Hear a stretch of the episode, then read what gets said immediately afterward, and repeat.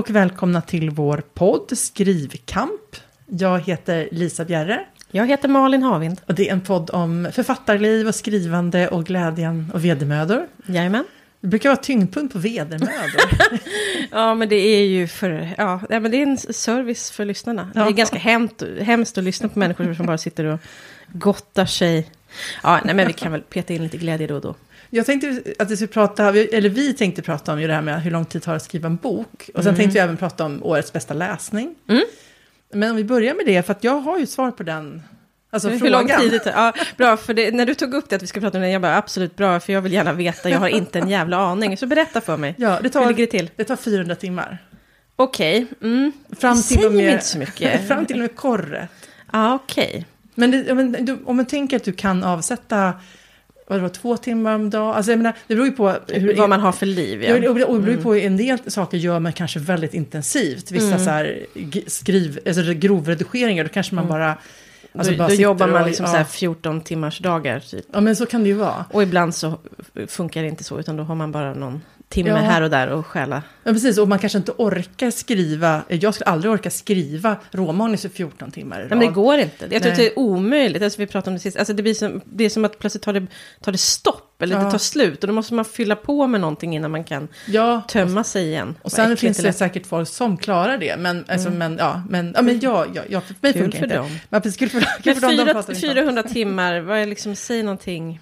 Nej, men, många dagar? Ja, alltså jag, jag, jag är till många arbetsdagar? Ja, men det intressanta är, ja, men, om, man, om man skulle jobba 40 timmars veckor och skulle kunna skriva en bok, Just det. då skulle man kunna göra det på 10 veckor och då är den redigerad och klar. Men så tror jag inte att någon riktigt kan jobba. Nej. Eh, därför att eh, jag menar därför att det är svårt att, att sitta intensivt åtta timmar om dagen mm. eh, med all, i, i alla de här faserna. Så mm. jag tror att, men däremot så kan man ju, när man pratar om att skriva snabbt, kan, pratar ju man kanske om exempel att skriva ett råmanus på tio veckor. Mm. Men då kanske man skriver tre timmar om dagen. Just eh, men men jag, jag tycker det är intressant också, för jag har ju det här att jag använder ett verktyg, tog, Toggler, som, som mm -hmm. då, där jag mäter min tid. Och det är absolut så att det även blir en del ställtid där, därför att jag alltså, kan ta ett tag att komma igång. Och att jag sitter i loopen Facebook, mail, Facebook, mail, Dagens Nyheter. Mm. Facebook, alltså, så här, det, det, det, är absolut ett, ett, element av så här, distraktion i detta. Så det är inte så att jag bara mäter de sekunder jag intensivt arbetar med. Men, men det är ändå då när jag sitter över datorn och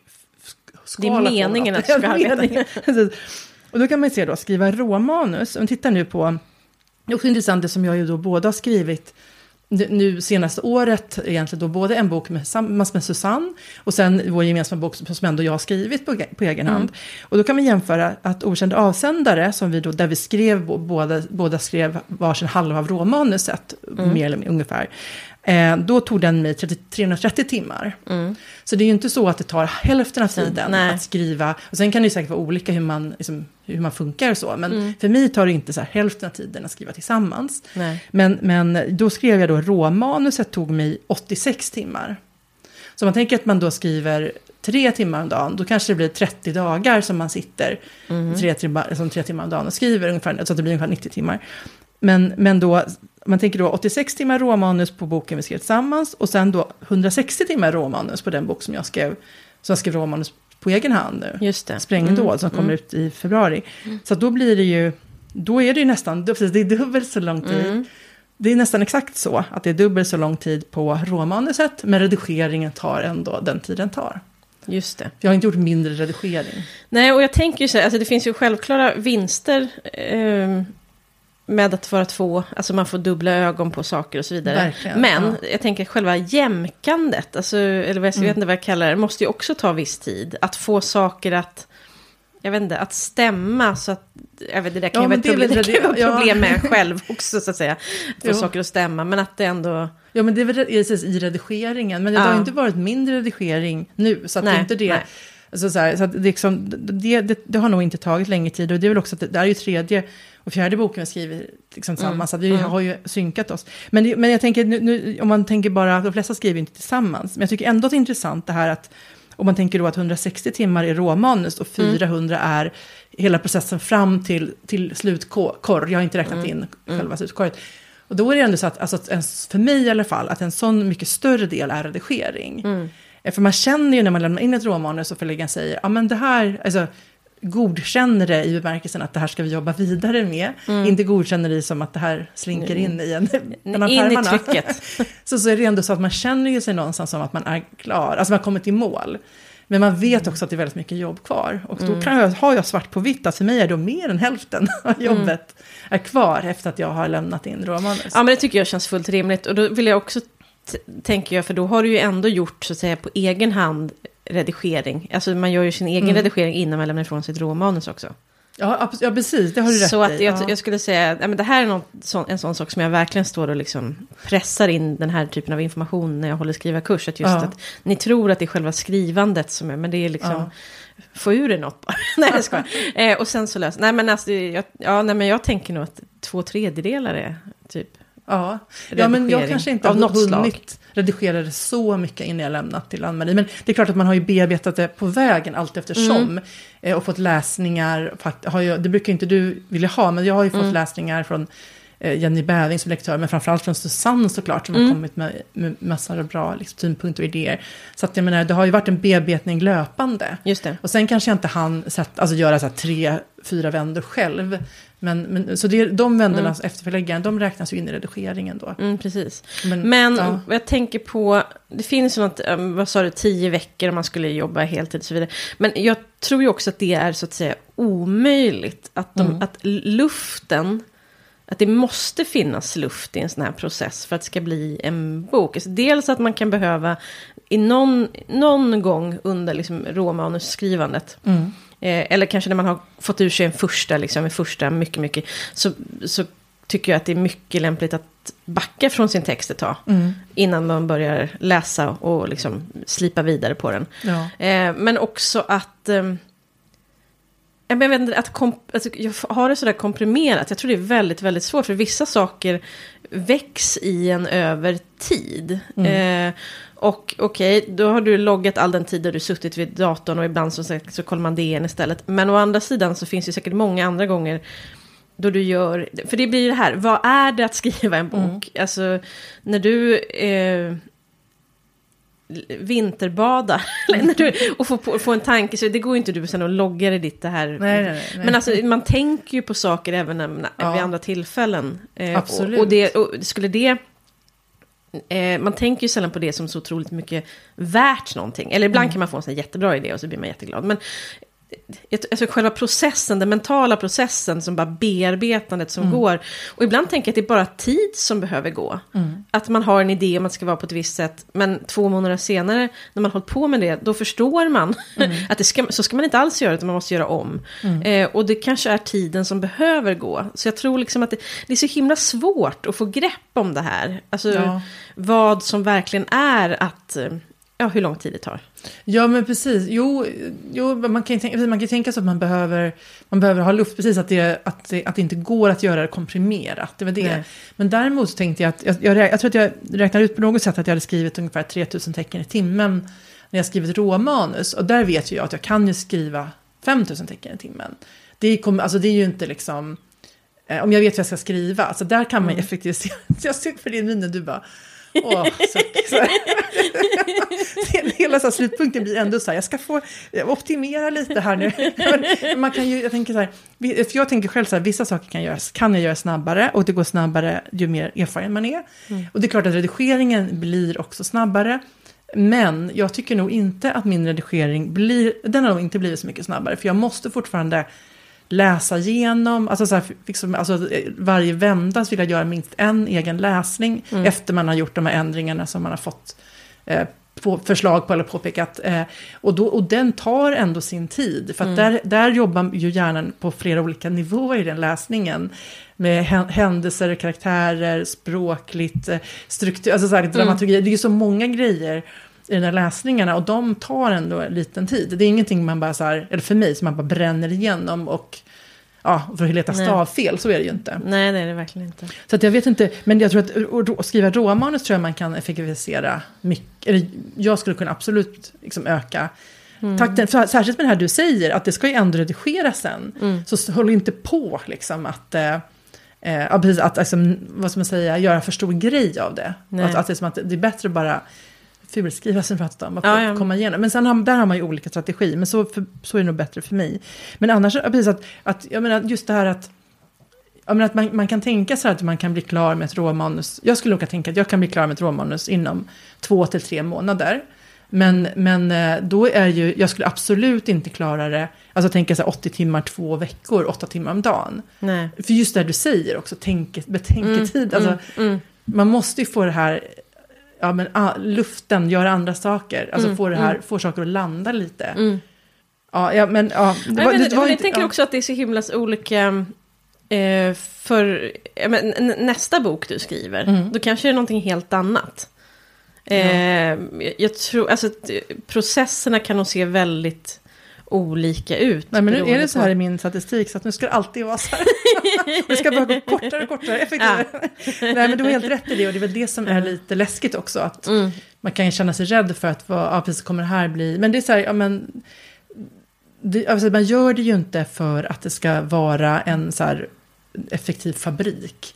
Nej. Där man ska producera, liksom, det, är mm. inte, alltså, det är inte som att man ska montera ihop så många bilar som möjligt liksom, på kortast tid för att man har ackord. Utan, även om det kan vara lite så i ljudboksvärlden, att det finns ett visst ackordkänsla. Men, men, men man, gör, man gör det för att man vill, alltså, det ska ju vara någonting roligt och glädjefullt. Och man ska hitta, man ska liksom finnas and, and, utrymme, andningsutrymme för kreativitet och idéer. Ja, och att det ska bli det man vill att det ska bli på något sätt. Ja. jag tänker på, apropå det här att jag inte... Det blir det ju aldrig. Men... Nej, men att jag tycker också att det är svårt att ta ställning till så här, om ett kapitel eller en del eller någonting ska bort eller någonting ska till. Så det, det, jag kan först se det när jag har en helhet. Mm. Det är därför jag tycker hata att lämna ifrån mig en del av en bok innan jag känner mig att jag mm. har, har en helhet. För det är liksom först när jag har sett helheten, det är då jag kan få en känsla för vad som ska bort och, och till och så vidare. Mm. Um, men också tänker jag på det här, att när man, när man börjar, eh, alltså, nu, eh, när jag höll, liksom, höll på att jobba med Ö-trilogin, då låg ju liksom Malin Blomsterberg i, i bakhuvudet. Mm. Och så fick man en idé, ibland skrev ner någonting lite så här. Och samma sak har hänt mig nu, att ibland så dyker det upp saker på det som jag eh, hoppas ska bli min, min nästa bok. Eh, och att det lig ligger så här under. Och det är ju inte heller sånt som man direkt går och liksom tänker att det räknas. Mm. För det är mer att man sätter sig vid, en, vid ett tillfälle och säger nu ska jag börja skriva mm. en bok. Men att det är ju ofta så överlappande. Eller så är det för mig, för det var inte alls så för mig när jag skrev mina fackböcker. Utan mm. då var det så här. Eh, få, få kontrakt på en bok, skriva bok, slut på bok. Eh, hitta på en ny idé, skriva en ny bok och så vidare. Det var liksom mycket mm. mer så här rena, också väldigt mycket kortare processer. Mm. Eh, där hade jag ju, men det, men det, är, en, det är en helt annan typ av... Eh, ja, för jag, eh, fackbok kan, behöver ju inte ta kortare tid ändå. Nej, behöver kortare. inte, nej. Jag kan, jag kan, ja. Ja. För, för mig har det gjort det, men det, det beror ja. helt på, det är klart att ska, ska du skriva en, det, det beror på vad det är för bok. Ja, för Vinterbad tog 330 timmar att skriva, mm, eller 329. Mm, mm. Och det är ju då eh, men ganska lika mycket som okända avsändare. Mm. Men, men och den var ju då 150 000, eller 175 000 tecken. Vad blir det? Alltså, ja, men den, den mm. i alla fall, det kanske är som en tredjedel mm. av en, av en så här med, liksom medellång deckare. Um, och, men det är ju så himla mycket faktakoll. Det är ju mm. det också. Alltså, mm. Det är mycket, mycket research och faktakoll. Och mm. Allt det tar ju så otroligt mycket mer tid. Och det är mm. beroende på vad man skriver för ja, men precis. bok. Och, och, även då, och det är ju samma, Malin Blomsterberg-boken är ju den bok som jag har gjort absolut mest research för av mm. allt. Liksom, alla mina böcker. Ja. Eh, och då, då, är ju research, antalet researchtimmar är ju, överstiger ju antalet skrivtimmar mm. med jätte, jätte, jättemycket. Ja. Eh, och jag har ingen aning om hur mycket det är. Men det är liksom, det, det, det är väldigt, väldigt mycket mer mm. såklart. Men eh, ja, nej men. Eh, jag tycker, för jag får också den här frågan väldigt ofta på skrivarkurser och så. Mm. Eller när jag är ute på, men förra veckan fick jag vara på biblioteksbesök i Boxholm. Och då var det så här, hur länge har du arbetat med trilogin? Var det då? Mm. Och det är ja, hur, vad ska jag svara på det? Alltså så här, de första raderna i den, ja det skrev jag ju kanske för liksom nästan tio år sedan. Mm.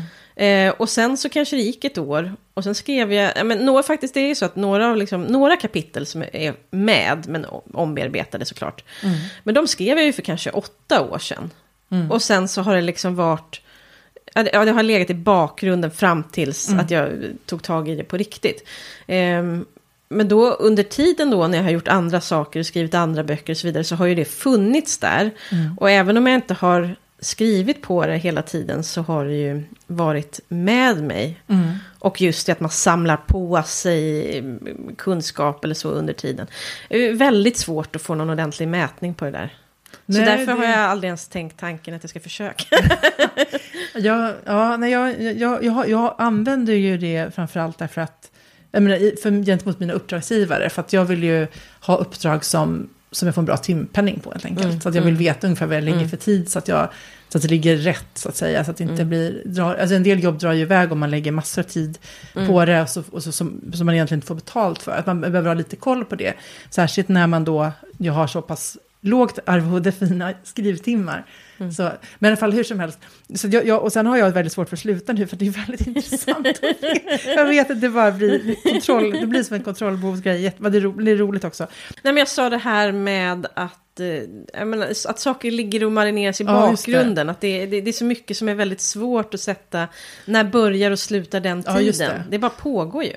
Ja, absolut. Men jag tror att det är, och det är för dig är det svårare, precis för din bokserie är ju en del av ditt liv också, i och med mm. att det är mm. dina, din mormor och morfar som det handlar mm. om. Och, mm. Men, och sen, men sen för Susanne och mig är det, är det kanske ändå, Susanne Kassefelt då som jag skriver, men vi har ju, mm. vi åkte ju till Polen slutet av april 2018. Mm. Och alltså, då, då, började vi jobbet med mm. så här, synopsis och karaktärsutveckling. Alltså, så här, då började vi. Så att där, då kommer vi det kommer ju ha varit ungefär sex år då. Mm. Nästan sex, sex år. Och då, så, och då vi har blivit fyra böcker. Mm. Så att då, det kom, det, då är det ju ändå mer tydligt. Och sen såklart att mm. Susanne började tänka på den idén tidigare än så. Just det. Mm. Eh, men det var liksom där själva jobbet började. Så, ja, men, men nej Apropå men absolut. det. Ja. Mm. Sist så pratade vi om att du, du, skulle ha din uppstartsdag med ditt eget. Har du haft det? Nej. Nej, Nej men därför att jag fick ju då fler uh, uppdrag. Ja, jag fattar. Mm. Och då mm. jag behöver den inkomsten och mm. jag mm. tycker så mycket om den. Alltså jag, det är mm. här, men det är ju det här, uppdragsgivare man jobbar nära med. Mm. Eh, och alltså, det är ju liksom, man vill ju, då säger jag ju alltid ja. Så, så då blev det inte, inte Nej. det. Nej. Jag har inte skrivit någonting. Men jag har också insett att det var kanske en, um, ja, hade jag inte, hade jag, hade det varit så lite jobb som jag trodde i början av året, då hade jag nog hunnit komma igång den här hösten. Men nu har jag ju haft en helt, faktiskt en helt normal arbets alltså, jag har inte haft mindre jobb än, än vanligt nej. så att säga. Och då har det inte riktigt funkat att både redigera. Det är också det här, alltså, mm. nej men att jag, jag har verkligen tänkt jag, alltså, det, jag vet inte varför man är så dum i huvudet, eller jag är det, men så här, bara, nej, men redigering går ju snabbt sen. Så här. ja, men liksom, redigering, med Em, redigering med Emma sen, det är ju liksom, det, går, det är ju, det är inte, inte mycket. Så bara, ja, fast liksom, det är ju ändå det att man ska sitta och läsa och man hittar mm. två biljarder grejer som mm. man vill, alltså som man mm. vill liksom, varje mm. man läser. Så att, ja, det, det tar ändå sin tid. Mm. Det, ja, det hade jag förträngt. Ja. det är, jag tycker det, det är en väldigt rolig redigering. Tycker ja, jag. Alltså det här, även om man kan känna, för nu, ett tag kände jag mig lite trött, men sen kände jag att jag fick igång mm, ångan mm. igen. Och det, för det är ju väldigt kul här när man känner att nu, fin, nu, så nu är det ändå, nu sitter det, nu funkar det. Ja, men, och nu, nu gör vi det, det bättre. Ja, men precis. Mm, var, mm. varje, liksom, varje gång vi hittar någonting så, är det mm. liksom, mm. så blir det lite mm. bättre, lite putsar. Liksom. Alltså, det är ja, men det, det, är en tillfredsställande fas. Ja, det är ja, Jag ska ju då nästa vecka skicka mitt råmanus. Det är så snart? Ja. ja. Förlåt, vilken ohjälpsam kommentar. Nej, men jag är mycket medveten om det. Så att, ja. ja. Det, eh, det ska bli spännande. Ja. Men hur, mm. liksom, har du ett eh, material så att säga? Är det, liksom, är det att du håller på att justera nu eller har du fortfarande kapitel kvar som du ska skriva klart? Ja, jag tror, det började precis i morse, eh, så började jag liksom göra en första så här, genomläsning på mm. skärm liksom, och ändra direkt. Men jag, jag, vet att det finns några ställen, inte jättemånga, men några ställen där jag har eh, jag har, har liksom så börjat, men jag vet att jag liksom, det, det, det är lite ofärdigt, några mm. kapitel. Så det finns fortfarande saker som ska in och skrivas. Och på det sättet så ligger jag ju sämre till än vad jag någonsin har gjort förut, så att säga. Mm. Jag brukar vara längre fram i. Men det är ändå liksom, det är inte så att jag ska skriva en tredjedel av boken. Nej, det är inte det är så. Eh, det är också mycket möjligt och det är därför jag liksom ändå inte, det är därför jag valde att göra den här läsningen nu, fast jag vet att de ligger där. För det kan vara så att det vissa av de där sakerna kanske inte ska vara med. Mm. Och det är det jag måste nu i min den här genomläsningen, helhetsgreppet, det. det. nya helhetsgreppet, liksom få, få en bild av. Mm. Um, det är en balansgång det där, mycket, å ena sidan, jag, jag har den här liksom, den scen, eller vad ska jag säga, det, det spelrum jag har, alltså mm. det är det mm. faktiska huset Strand. Eh, och då är det liksom så här, ja det är Malin Blomsberg och Ellen, det är så självklart, det är Malin först och sen Ellen, det är de viktigaste personerna. Mm. Eh, och fokus ska absolut ligga där. Men samtidigt så är ju själva en, en del av historien är ju också den genomströmning av människor. Mm. Som är genom det, som självklart och påverkar Malin jättemycket i arbetsbörda inte minst, men också på andra sätt mm. berikar och, och ibland eh, kanske inte alltid så trevligt. Men det är olika, och, det är den, den, den liksom balansgången mellan att f, liksom gestalta det där flödet samtidigt så ska inte, så kan jag inte liksom bara presentera 40 nya personer varenda mm. år som Just kommer. Det. Ja, så det, det, där håller jag på. Så det, det, det, är så här, det måste vara en ganska svår avvägning. Mm, ja, verkligen. Och på det sättet, apropå det här hur lång tid tar en bok, så tänkte jag, det var en otroligt... Det var ju verkligen jag som har...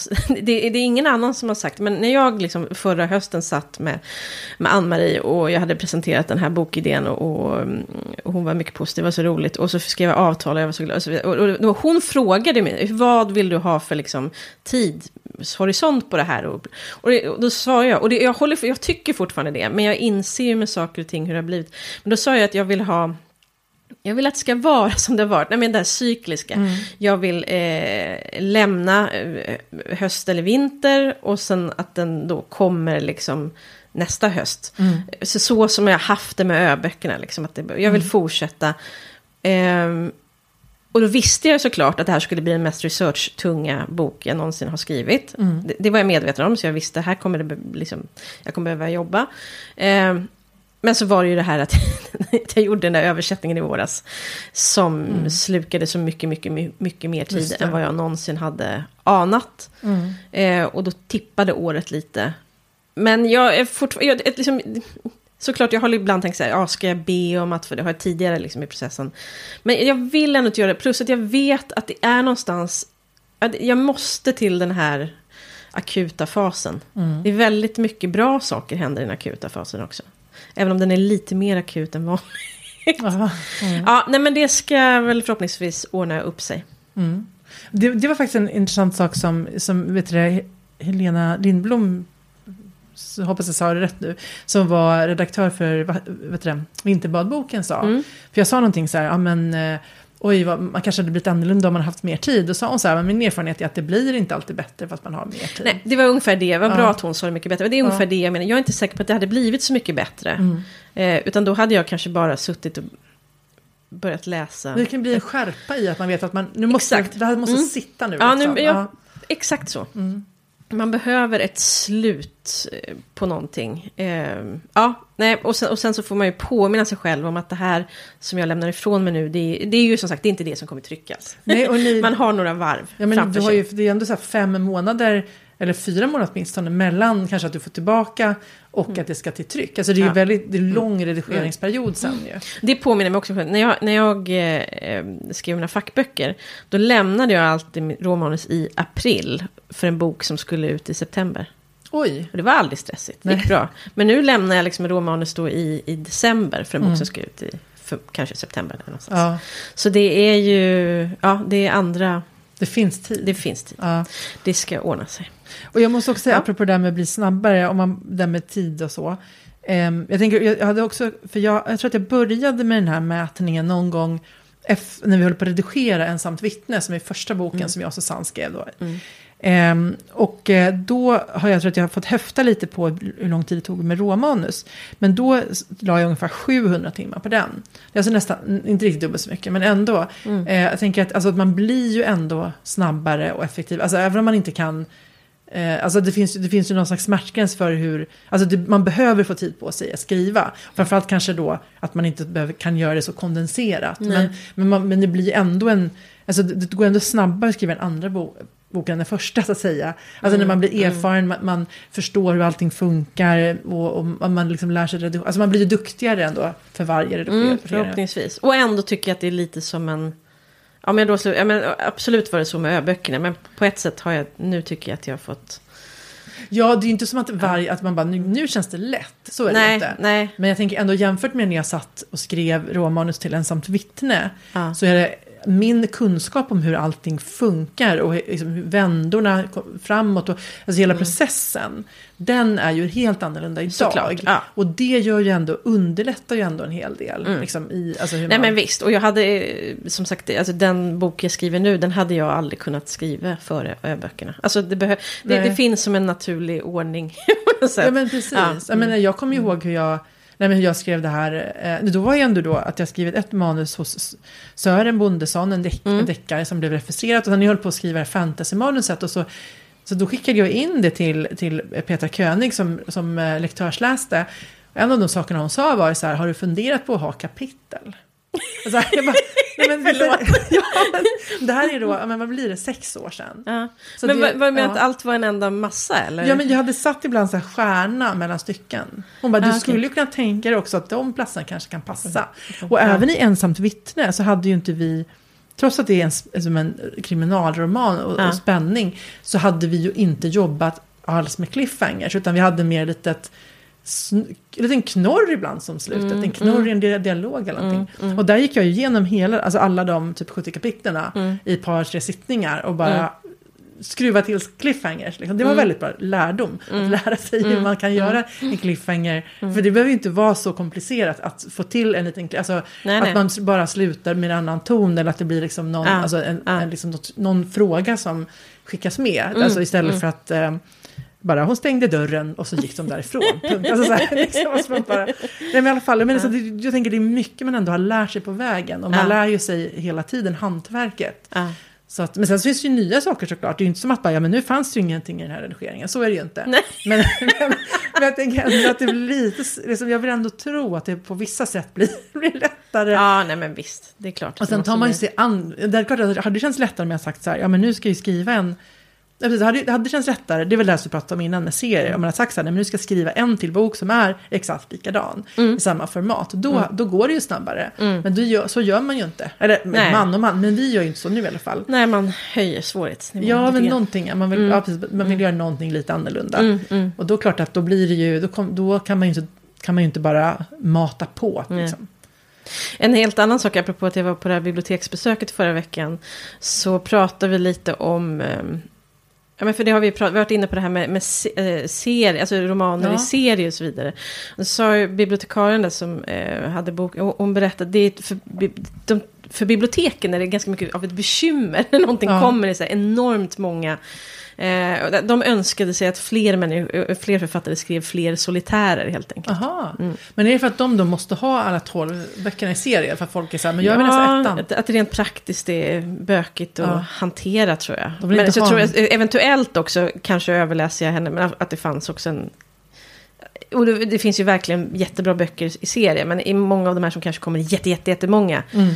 Så kanske det inte alltid är att alla är Skriv färre kvalitet. bättre böcker. Ja, men bra. Precis. Vilket tips. ja, färre bättre böcker. Jag måste bara säga, innan vi går in på ja. bok, bok eh, tips, eller vad ska man säga, våra läsupplevelser. Ja.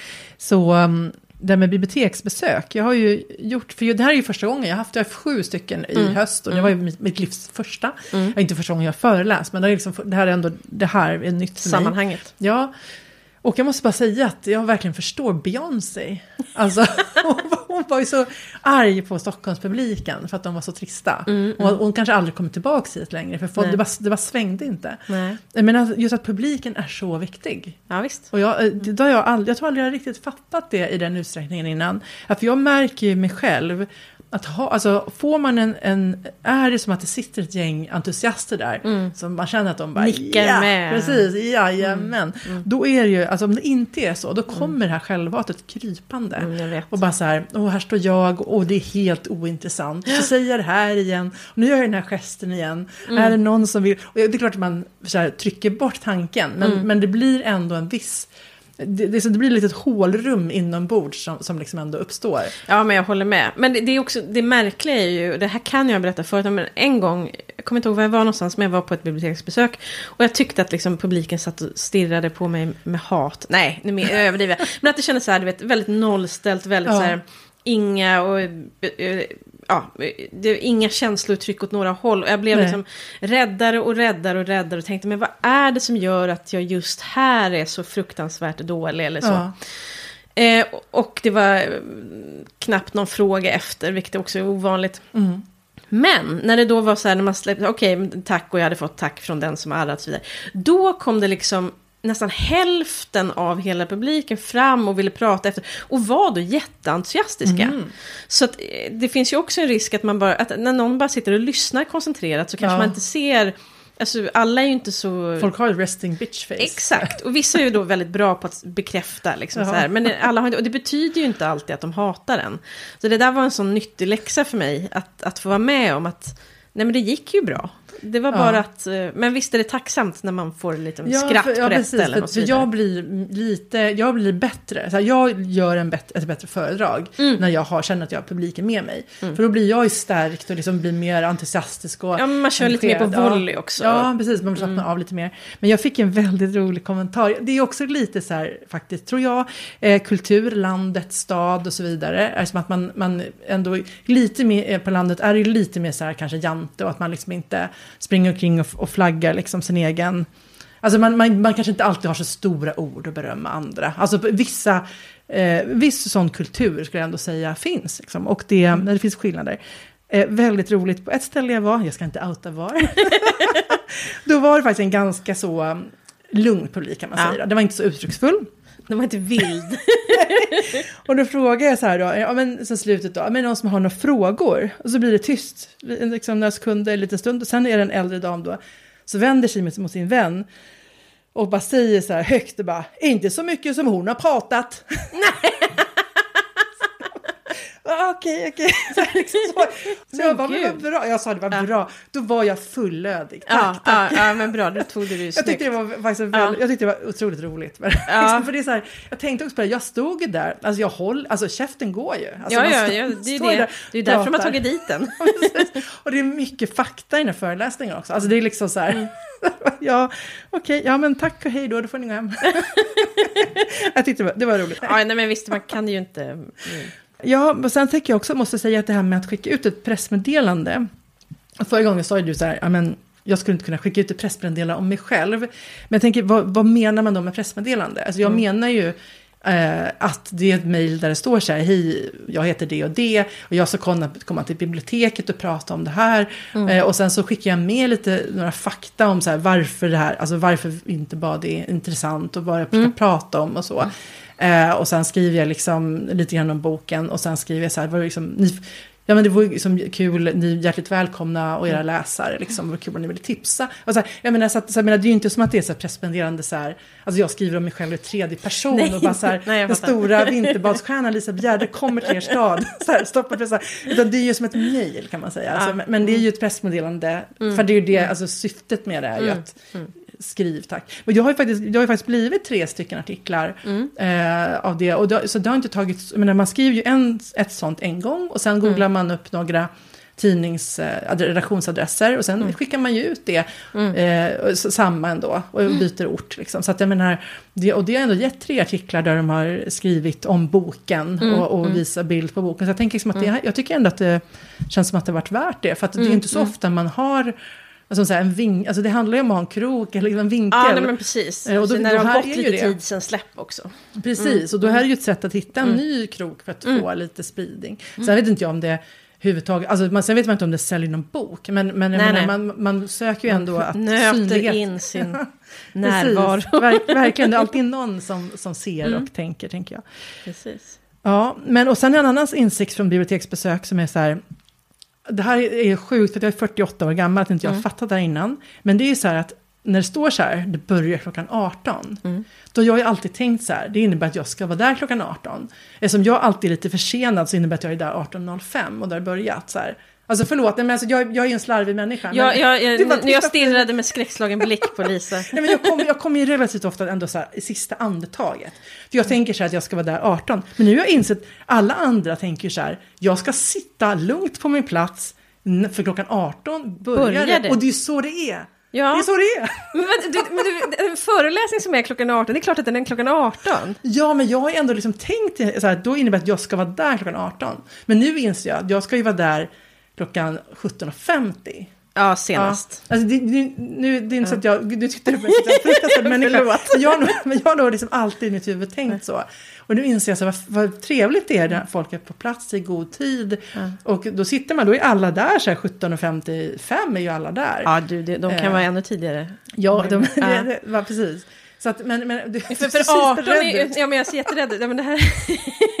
jag inser det är därför jag ofta också kommer sist och för sent. För att alla andra tänker jag ska sitta ner och vara samlad och ja. lugn och redo klockan 18. Och nu ska jag börja ja, precis, med det. För klockan 18 är ju den information som publiken har också. Ja. Alltså, och då, så sagt, då tänker du, då börjar du prata då. Såklart. Ja, men precis. Ja. ja precis ja. då kan nej, du inte nej, komma då. Nej, nej, nej, förlåt, jag menar som, förlåt, nu var jag, jag menar som publik tänker jag så. Alltså jag menar som publik tänker jag att man anländer 18. Ja, ja okej. Okay. Det är absolut ja, inte så att nej, jag... jag, nej, jag, jag tänkte att du skulle göra det som föreläsare. nej, nej, det är där okay, så, okay. ja, men då, ska, då tar, jag, tar jag tillbaks lite av min hysteriska blick. Ja, nej, absolut mm. inte. Men jag hade absolut aldrig kommit klockan 18 heller, även som publik. Du är ju väldigt bra på att vara punktlig och komma i tid. Jag kan ju vara en sån som går runt och liksom hovrar i ett kvarter för att komma liksom exakt rätt. Så. Men man får ja. inte komma för tidigt heller. Men när det gäller sånt att komma och sätta sig på plats och så vidare. Ja. Och jag där, precis, så absolut inte. Som föreläsare, absolut att jag är där i god tid. Ja, jag, förstår. jag har haft okay. en powerpoint, vilket ju har varit tekniska problem, problem mm. typ varje gång utom en kanske. Mm, mm. Har det ju varit något så här med Det är därför det är så underbart att vara teknikfri. Men ja. jag förstår med det, det är något annat du pratar om. Ja, men jag tänkte mm. faktiskt på det här häromdagen, så här, men om jag får möjlighet till författarbesök bara utifrån skönlitteratur framöver. Ja. Då tror jag att jag skiter i ja. det med powerpoint. Fast det kanske vissa grejer kan vara roligt. Men, nej, men, alltså ändå så att man ska, ska kunna köra utan, mm. tänker jag. Det, man kan ha en, men för nu i den här föreläsningen, den tappar ju ändå ganska mycket om inte jag har alltså, visar. Som att det är fina, mm. alltså det är lite fakta är det absolut och sen mm. en del jättefina bilder mm. och mm. visa undersökningar, statistik. Alltså, mm. Så att den ändå, ja, men i alla fall, det är skönt att slippa, hade varit skönt att slippa det där mm.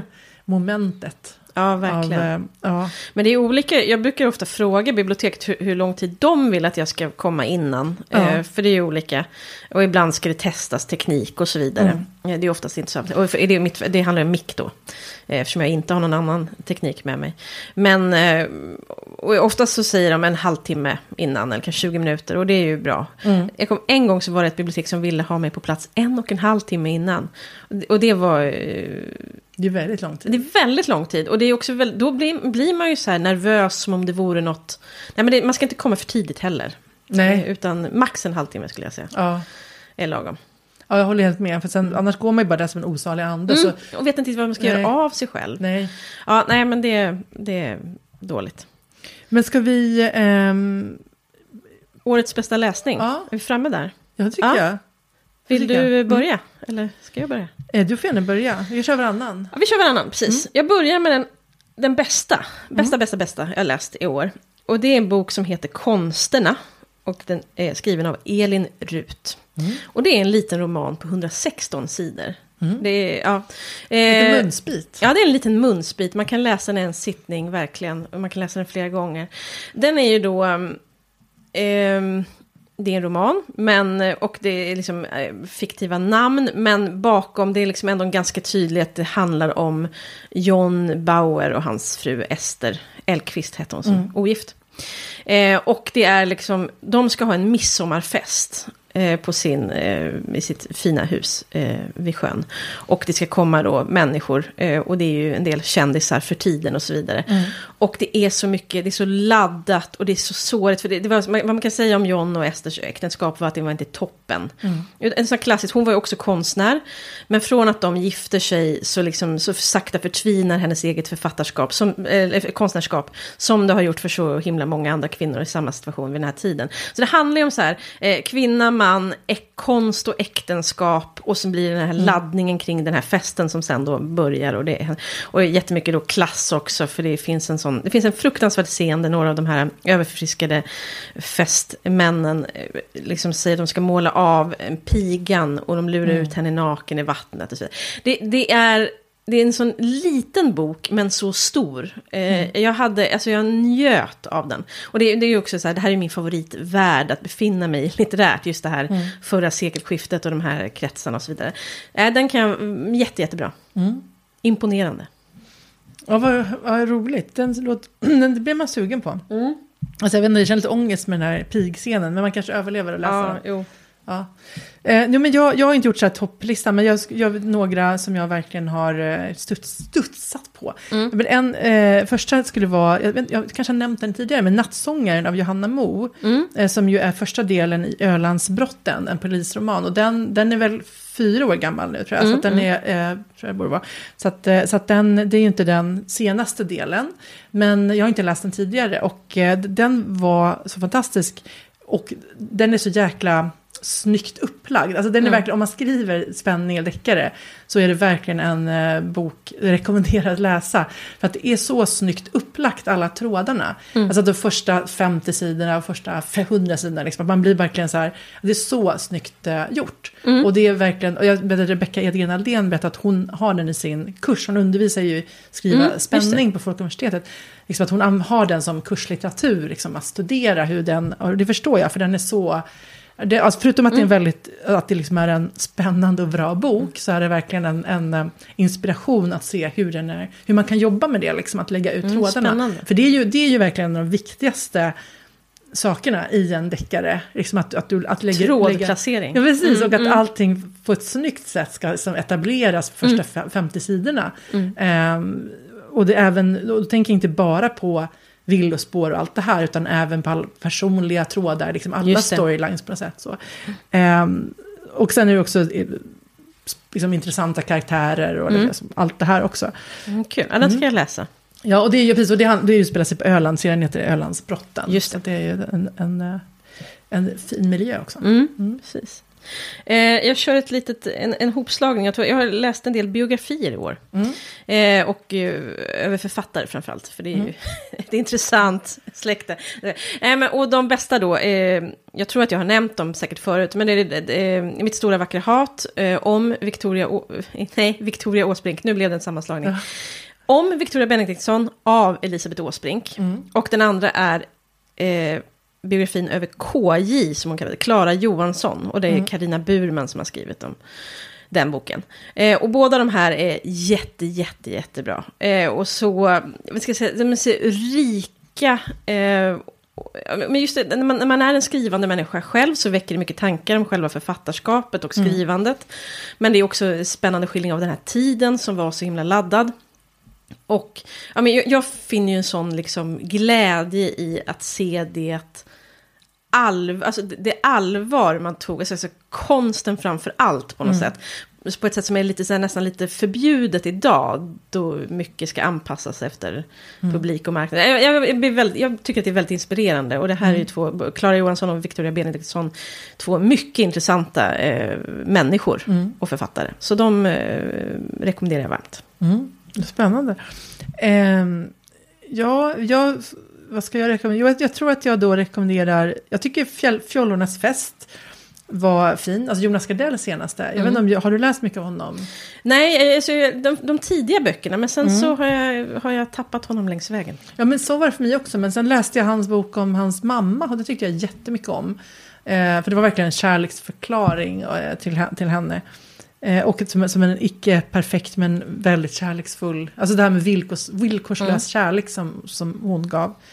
Eh, ja, men, fall, men den här Fjollans tycker jag var fin. Den är också ganska kort och eh, mm. liksom snabbläst så. Men den, ja men han, ja, det var ju som, också direkt intressant berättartekniskt, liksom att han har två, alltså det, det utgår ifrån den här festen där, eh, alltså som en fjollorna, alltså en, en, en gayfest liksom. För mm. när de inviger ett nytt eh, så här, festpalats. Och eh, så, den, som, så det är de som är på festen, man får tillbakablickar till vilka de är och deras bakgrund och liv. Samtidigt som det är en parallell historia med eh, någon som känns väldigt som ett alter ego till Jonas själv, liksom, mm, som mm. är som är en, som är en liten pojke vid festens tid och honom får man sen, gud, nu blir jag, gud vad dåligt jag förklarar, men honom får man följa vidare sen. Uh. Så syr man ihop allting på ett väldigt fint sätt. Liksom. Och, ja, men det handlar väl, liksom, jag tycker att den handlar om det här med gemenskapen i utanförskapet och eh, det lidandet som, som, de, som de här personerna utsätts för, men ändå finns den här, alltså, alltså trösten finns i gemenskapen. Mm, mm. Liksom. Eh, ja, den tyckte jag var, gillade jag. Mm. Jag ska också ta någonting som inte har att göra med början av 1900-talet. Ja. eh, Utanpåverket av Kristin Nord. Ja. är en jätte, jättebra bok. Lite jäv här för jag känner Kristin, men det, den, den, är, alltså, den är superbra. Oavsett om jag känner henne eller inte. Eh, det handlar om en, framförallt en mor-dotter-relation. Mm. Och så, och hon jobbar så, det är också en ganska, inte så himla tjock bok, men ändå så den, den, väcker grejer och tankar i en på ett... Och sen har hon en väldigt snygg grej. Det finns ett, jag ska säga, ett tema som är... Som är smink, alltså inte på det sättet, men att både den här modern och dottern använder liksom smink på... Och nu, här, nu var också en dålig förklaring, men jag ska säga att, att det är det här med att hålla upp en fasad. Mm. Att måla någonting. Eh, för att dölja någonting annat eller mm. vad jag mm. ska säga. Och det, eh, hon, det låter inte alls bra nu. När jag, en mask? Så. Ja, en form av mask precis. Eller liksom, och att hålla uppe en, en bild utåt som, mm. inte riktigt, som inte stämmer med den inåt. Eh, och hon gör det där på ett mycket, mycket elegant sätt. Mycket elegantare än vad jag taffligt försökte förklara. Men är, det är en jätte, jättebra bok. Mm. Som eh, jag tror, man, man blir eh, tagen, berörd. Mm. Fint, ja, den är jag sugen på, absolut. Mm. Um, ja, men jag kan ta som sista då, att um, Vi är inte här för att ha roligt av Nina Lycke. Mm. Jag kan ha pratat om den lite förut, men det, det, det är ju, handlar om en författare, det här är ju en, Nina Lycke är ju en norsk författare, så det utspelar sig där. En manlig författare, äldre manlig författare, som blir anklagad för som sexuellt olämpligt beteende, får man kalla det för. Det är inget regelrätt övergrepp så, men mm. av en så här yngre kvinnlig författare som skriver så kallad liksom, verklighetslitteratur. Så att hon hävdar ju att det här har hänt eh, och han upplever ju att det här är liksom en, en ganska stark förvrängning mm, av det som mm. faktiskt hände. Eh, och den är väldigt rolig. Mm. Eh, och det, alltså, det är så otroligt skarpa observa samtidsobservationer. Samtidigt som att det, det också utspelar sig i förlagsvärlden. Eller han, han, sitter, han går ju väldigt mycket hemma och grubblar. Så händer, det mesta händer ju i hans huvud. Men mm. eftersom han är författare så är det ändå ganska kul att när man skriver själv att man relaterar ändå till mycket. Och jag tyckte att det var fint att det här med, jag kanske bakar ihop det med en annat boktips, får bli mitt allra sista, men man älskar, jag älskar den huvudpersonen i all, i all hans liksom oförmåga. Mm. Eh, och, all, eh, och jag förstår hans blick på världen. Och det gjorde mig att få stark, mer empati för gubbar. Mm. Mm. och eh, och liksom, att det inte är så lätt att vara en vit medelålders äldre man heller, minsann. Eh, men alltså, motsats till då, Lena Eg Anderssons eh, nya nu har jag skrivit fel titel här. Vad heter? Studie i mänskligt beteende. Studie i mänskligt mm. beteende, absolut. Precis, och den tyckte jag också om. Hon är ju otroligt skarp observatör av mänskligt beteende, vilket jag mm. tycker älskar i hennes skrivande. Och det är ju som, den är ju som noveller om eh, kvinnor och deras relationer till andra och sig själva och kärleksrelationer framförallt i fokus på. Eh, och de hänger liksom ihop så här, för hon kallar det att, så att det inte är en novellsamling samling och jag förstår vad man menar med det, för alla hänger på något sätt ihop och det är karaktärer som återkommer och så vidare. Och den är ju väldigt vass och allting. Men det som är skillnaden med den, och det var intressant för det var en kapprak som har skrivit en recension som satte ord på det. För jag kände att det var någonting som ändå, alltså som, som var mm. lite konstig eftersmak.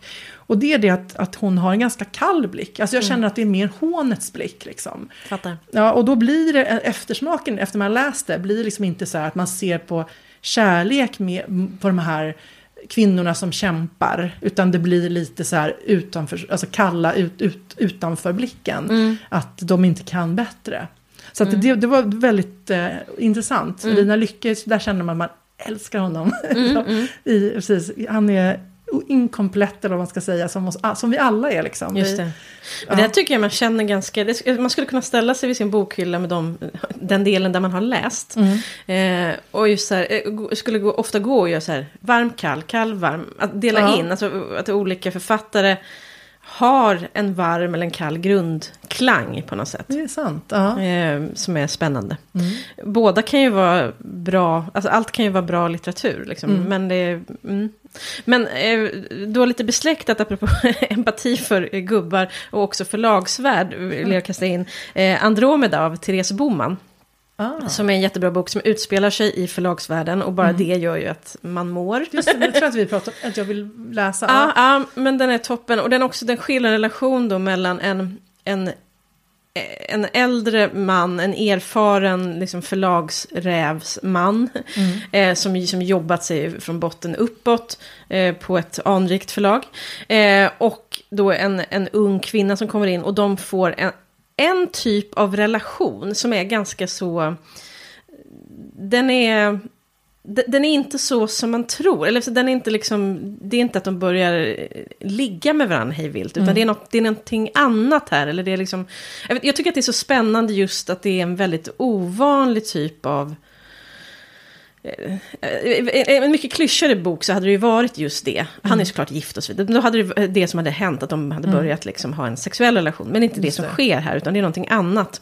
Eh, eller åtminstone så är det inte liksom, så ageras det inte på. Mm. Men framförallt de sitter, det handlar väldigt mycket om de sitter och har samtal om mm. kultur, om böcker. Om så.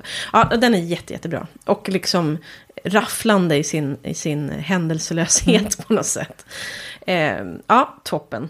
Ja, jag har några -huh. till så jag kastar in här. Ja, eh, något av det bästa jag också läste, jag sen, och det här är jag verkligen ganska sen på bollen, men norska författaren Ingvild Rishöj är mm. många som har hyllat och jag har nu äntligen eh, läst och framförallt då hennes roman Stargate som ju då mm. passar väldigt bra att läsa så här års för den är ju då en julberättelse.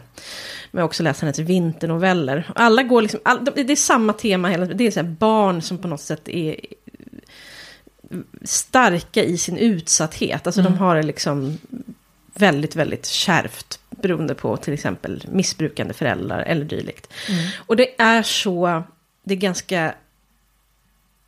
Det, det är verkligen att det kommer åt en känslomässigt. Men mycket genom att det gör, alltså det är inte något, det finns inget gegg. Mm. Utan det bara är rätt in i hjärtat på något sätt. Jag tycker att hon är så inspirerad. Jag lyssnar på, mm, hon var med i Lundströms bokradio och berättade om sin metod. Mm. Som är så olik allt vad man till exempel är ute ofta på skrivarutbildningar och sådär. Um, och hon gör då så att när hon börjar skriva någonting, hon har liksom kanske fått en bild eller någonting. Mm. Och då börjar hon bara skriva så här rätt ut, jag vet inte, i blindo säger jag nu. Men alltså så här, hon har mm. inte en plan, hon har inte gjort någon liksom, någon mindmaps över karaktär eller grubblet. Och hon börjar bara skriva på feeling. Mm. Eh, men med några liksom, personer då kanske som, som finns där. Och så skriver hon, och det finns, hon har ingen då tanke på någon dramaturgi eller någonting. Hon bara skriver ett antal vad ska man säga, fragment. Mm. Och något, några meningar bara, något kanske ett par sidor och så vidare. Och sen när hon har dem, då skriver hon ut det och lägger det på golvet. Och nu hör till saken att hon skriver ganska kort då. Mm. Liksom. Eh, så det är möjligt att lägga ut det. Och, då, och sen så liksom ser hon då när hon har lagt ut det där så lägger hon ihop dem i en ordning, rensar ut en del och så vidare.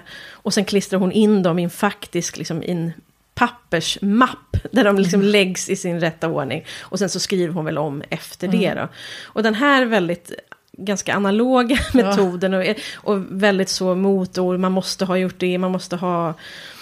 Alltså jag tyckte det var ganska inspirerande. Mm. Eh, och det, jag tänker också just det här att det är den stora lärdomen att man, det som funkar funkar. Man mm. måste hitta sitt sätt på något sätt. Absolut. Eh, Ja, men hon, hon skriver helt, det, det, det är för bra. men det är väldigt inspirerande, jag skulle aldrig kunna skriva så. Sista jag ska säga då.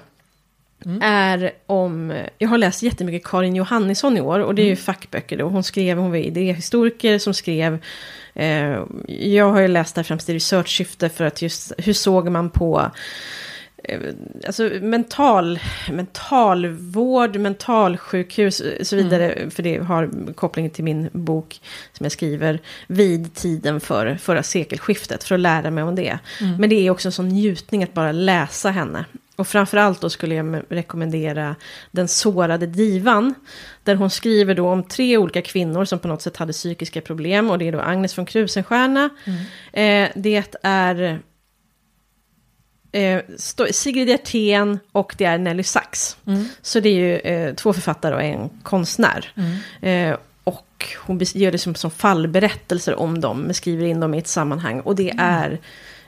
Det är så otroligt rafflande intressant, men också otroligt välskrivet. Det är mm. jättespännande läsning som gör att man bara vill läsa mer. Mm. Så nu var jag tillbaka där kring förra sekelskiftet. Då. Men, ja.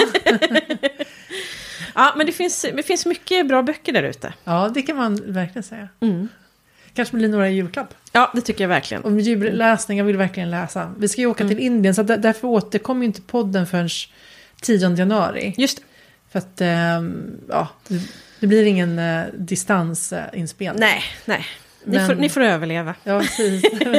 Men jag, jag, jag, jag, önskar mig mycket tid för både för läsa och skriva. Ja. Verkligen. Mm. För det ska mindre jobb, tänker jag. Mm. Och mer av det. Mm. jag, vill framförallt, jag vill framförallt läsa. Ja, ja. jag vill framförallt ligga i soffan under en filt och läsa. Ja, jag hoppas det blir så. Ja. Du kanske inte behöver en filt. Jag kommer inte behöva filt. Jag kommer behöva fläkt i taket. Ja, precis. Ja. Men då får vi önska våra lyssnare en god jul. Ja, god jul. Hej då. Hej då.